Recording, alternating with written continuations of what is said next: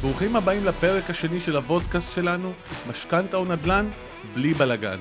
שמי מרטין בוקסדורף, הכינוי שלי הוא הבולדוג של המשכנתאות. אנחנו פה להביא לכם את האנשים הכי מעניינים בעולם המשכנתאות והנדל"ן, כדי שאתם, כאשר תגיעו להחלטה הכי חשובה בחייכם, חוץ מנישואים, יהיה לכם את כל הכלים שאתם צריכים לקבל את ההחלטה הנכונה.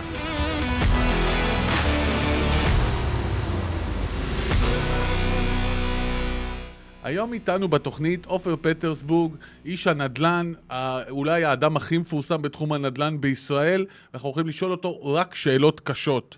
עופר, מה שלומך? אהלן, תשמע, לשאול אותי שאלות קשות זה כלום לעומת המצבים הקשים שאתה מטפל בהם. תודה רבה. אה, אני אגיד לך, אמיתי, הכינו, לפני שבאת, היה פה, אתה יודע, זה לא באמת, אה, זה לא ספונטני, הכינו אותי לשאול אותך כל מיני דברים מהתחום, אבל יש משהו שמעצבן אותי כן.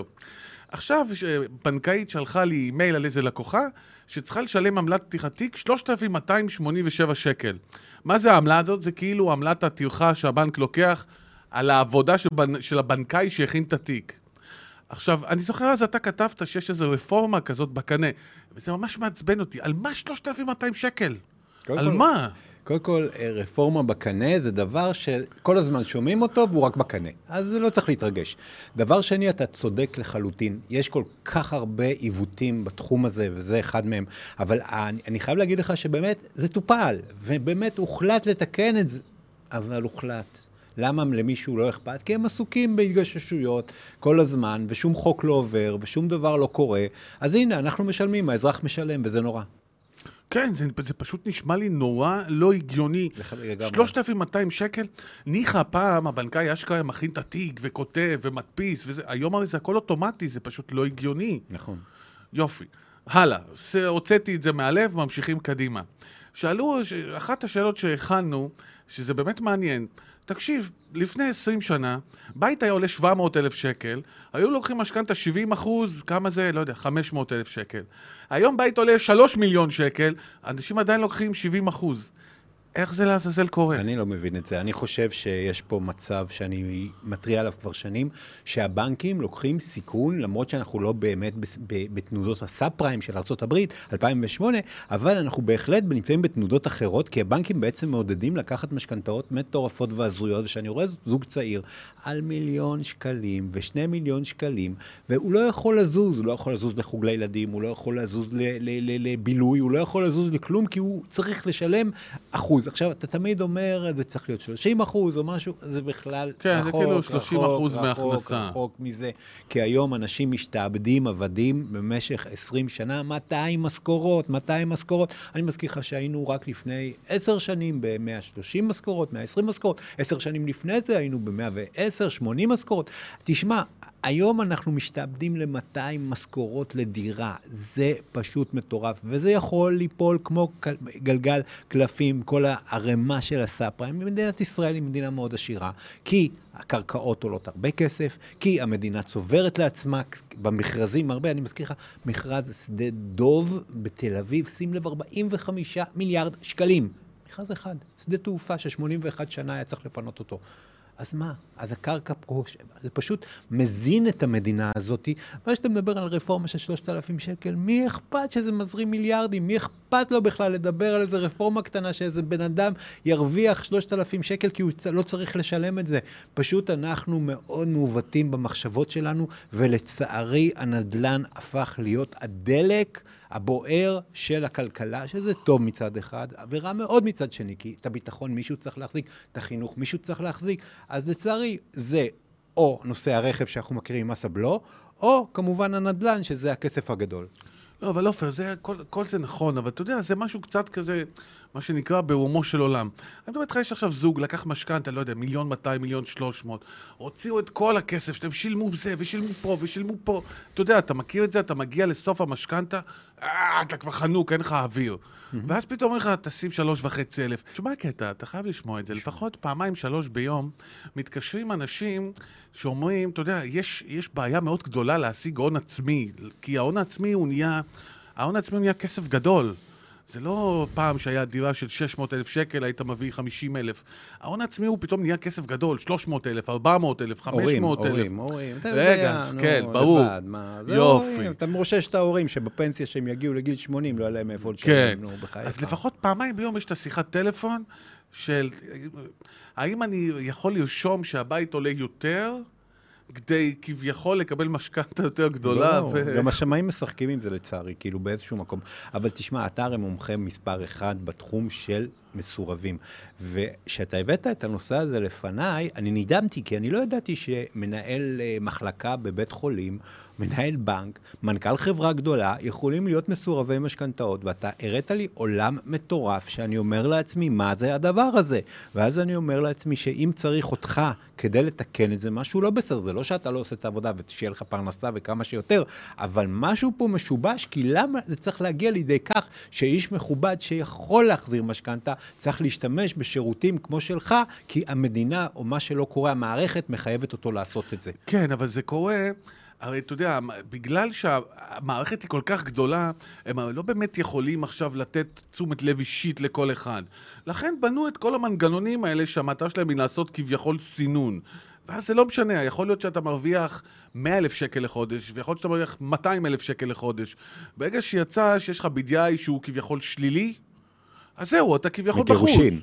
מה? מגירושין. מגירושין, ממיליון ואחת סיבות, העסק שלא הצליח, ההשקעה שלא הצליחה, עבדו עליך במשהו, נפלת שזה, פה, בשביל נפלת זה פה. העבודה שלך כל כך חשובה, ואני חושב שבסופו של דבר, כשאתה מסתכל על, ה, על, ה, על, ה, על הדרך שבה אתה עובד, אז בעצם אה, אה, זה, זה קצת אולי לך לא נעים לבוא לבן אדם שמרוויח 100 אלף שקל לחודש ולהסתכל עליו כמסורב משכנתה ולטפל בו מול פקיד בבנק, והפקיד בבנק שמרוויח, סליחה, 6,000, 10,000 שקל, נכון, פתאום נכון, צריך נכון, לסרב למישהו שמרוויח 100 נכון. אלף שקל ואתה מייצג את זה. תשמע, אבל אתה, אני חייב להגיד לך משהו, גם הפקיד בבנק, אני זוכר את זה מהעבודה שלי, זה כל כך לא נעים להגיד למישהו שלא מאשרים לו משכנתה.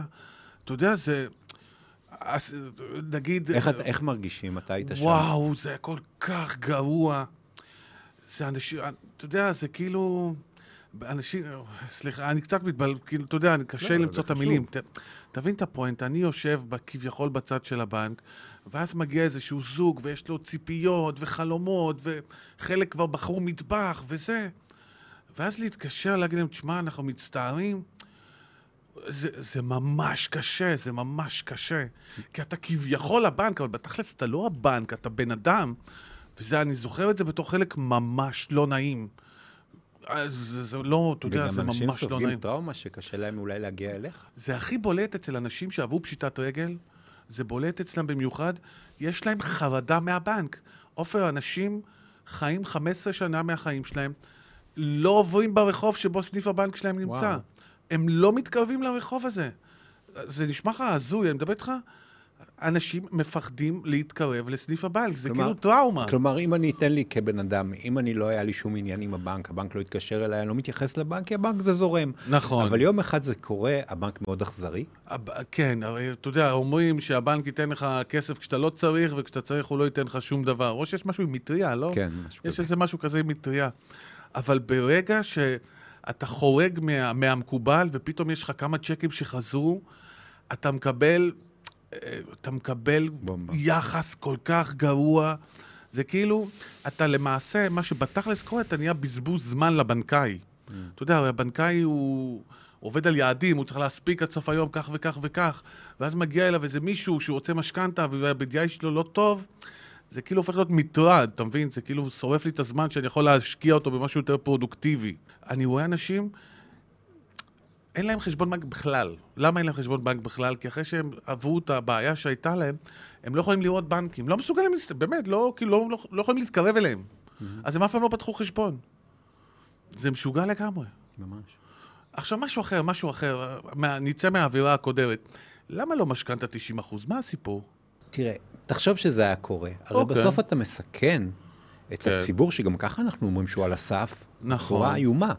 וגם המדינה צריכה להוציא מכיסה, ופה הבעיה הקשה. אבל אתה אמרת ולמה, אני אשאל אותך אחרת, למה כן. לא זכאות כמו שאנחנו היינו צעירים? מה רע בזה? למה כל ההגרלות האלה, לא טו, טו, טו, למה זה לא? כי אין מספיק דירות. בגלל זה הגרלות, אבל כי אני אין פה בעד מספיק. הזכאות.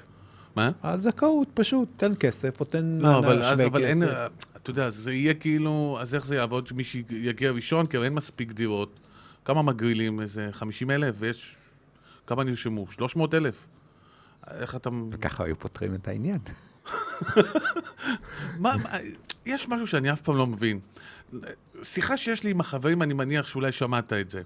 תקשיב, אני מניח שאם פוטין היה היום ראש ממשלת ישראל, בחצי דקה מחליטים, מורידים את כל הבנייני זבל בתל אביב, פונים במקומם רבי קומות וגומרים את הסיפור. למה זה, למה זה לא קורה? סליחה על השאלה הנאיבית, למה זה לא קורה? דבר ראשון, נתקענו במנדט, למרות שבבריטניה יש מודלים מצוינים היום, אבל אנחנו עדיין, למרות ששינינו את חוק התכנון והבנייה 200 פעם משנות ה-60 וה-50, אבל בפועל אנחנו באמת מדברים על זה שאנחנו נשארנו איפשהו במצב מאוד קשה, שבו המשולש הזה שמדברים עליו, שזה עירייה, אה, אה, דייר, חברה, הוא לא, הוא לא מתנהל בצורה אמיתית, כי, כי הסיבה היא ש, שכל ראש עיר יכול לבחור את המדיניות. ואז יש רחוב, כמו שאתה מכיר מלא פעמים. אלנבי, המגעיל בתל אביב. כל, לא, בצד אחד יש לך את גבעתיים, בצד אחד את תל אביב. רחוב שבצד אחד יש לך את הוד השרון, בצד אחד יש לך, אה, לא משנה, רמ, סת, עיר דומה, רמת השרון. ואז לצורך העניין אתה מגלה ש, ש, ש, ש, שבעוד ראש עיר אחד מקדם, באותו רחוב, בניין אחר, לא יקדם. ואז אחד ירוויח, אחד לא ירוויח. ירוויח כתוצאה ממדיניות העירייה.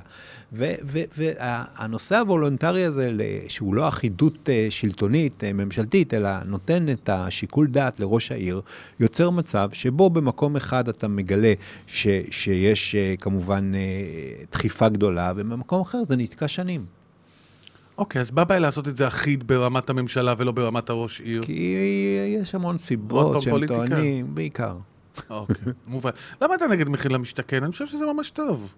לא, אני לא, אני, אני לא נגד מחיר למשתכן כמחיר למשתכן. אני, אני רבתי עם כחלון בהתחלה, כי הוא עושה כל כך הרבה טעויות. כי תשמע, בסוף הבעיה העיקרית שלי היא מחיר למשתכן. שים לב, עיריית תל אביב יצאה עכשיו בתוכנית משלה.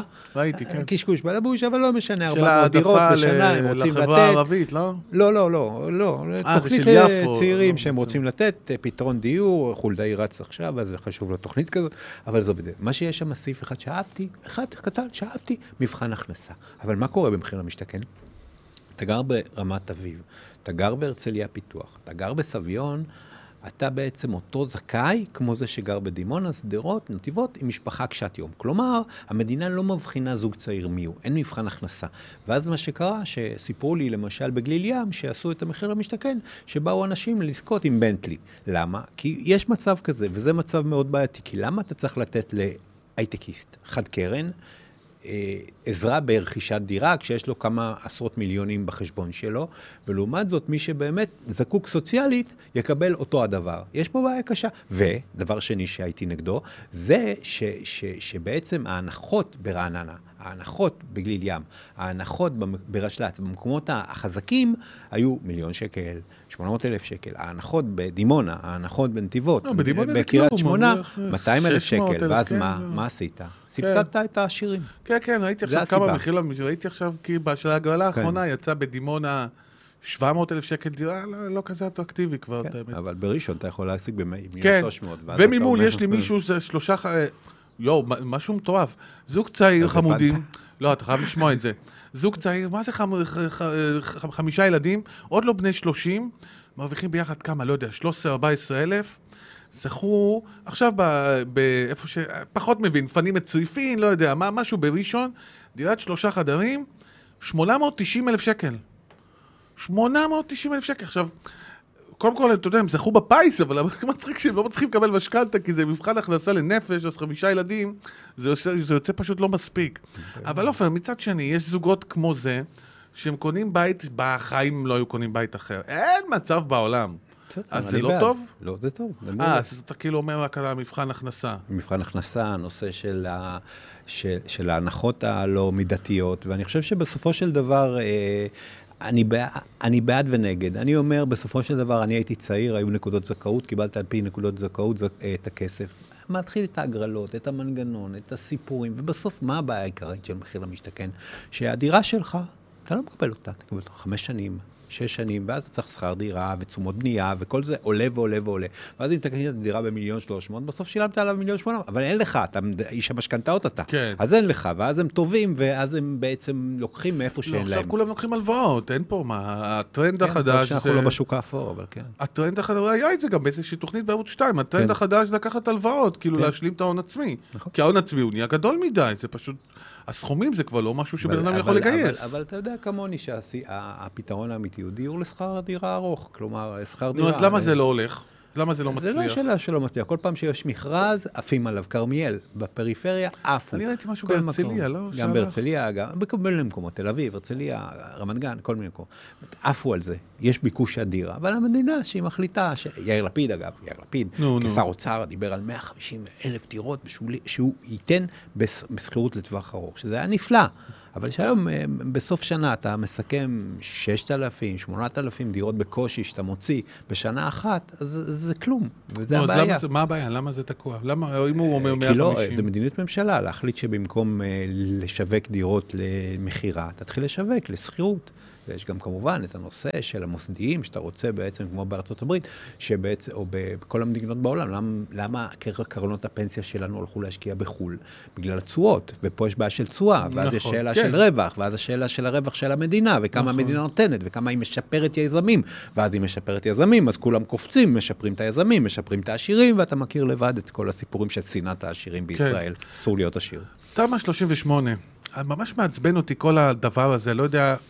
קודם כל, בוא, מהנקודה שלי גם לקחת משכנתה על תמ"א 38 זה סופר מורכב, כי יש לך את היזם שהוא מעורב לך בבית, זה בירוקרטיה משוגעת ומאוד לא נוחה.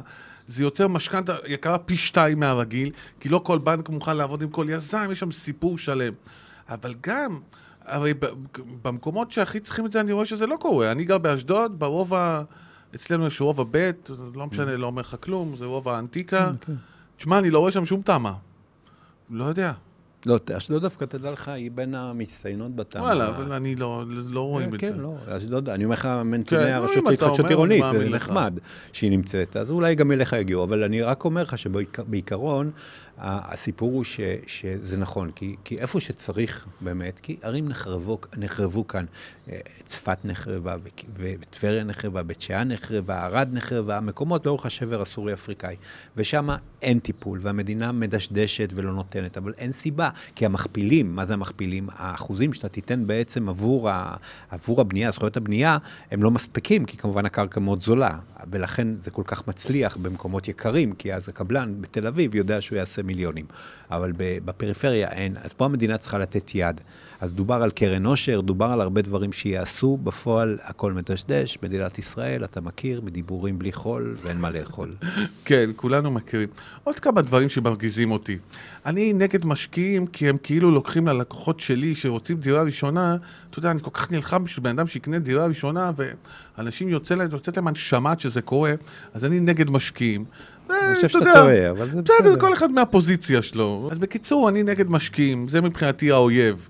עכשיו, אני רואה את, את כל השרים עושים, מורידים אה, מס רכישה חצי אחוז, מעלים שני אחוז.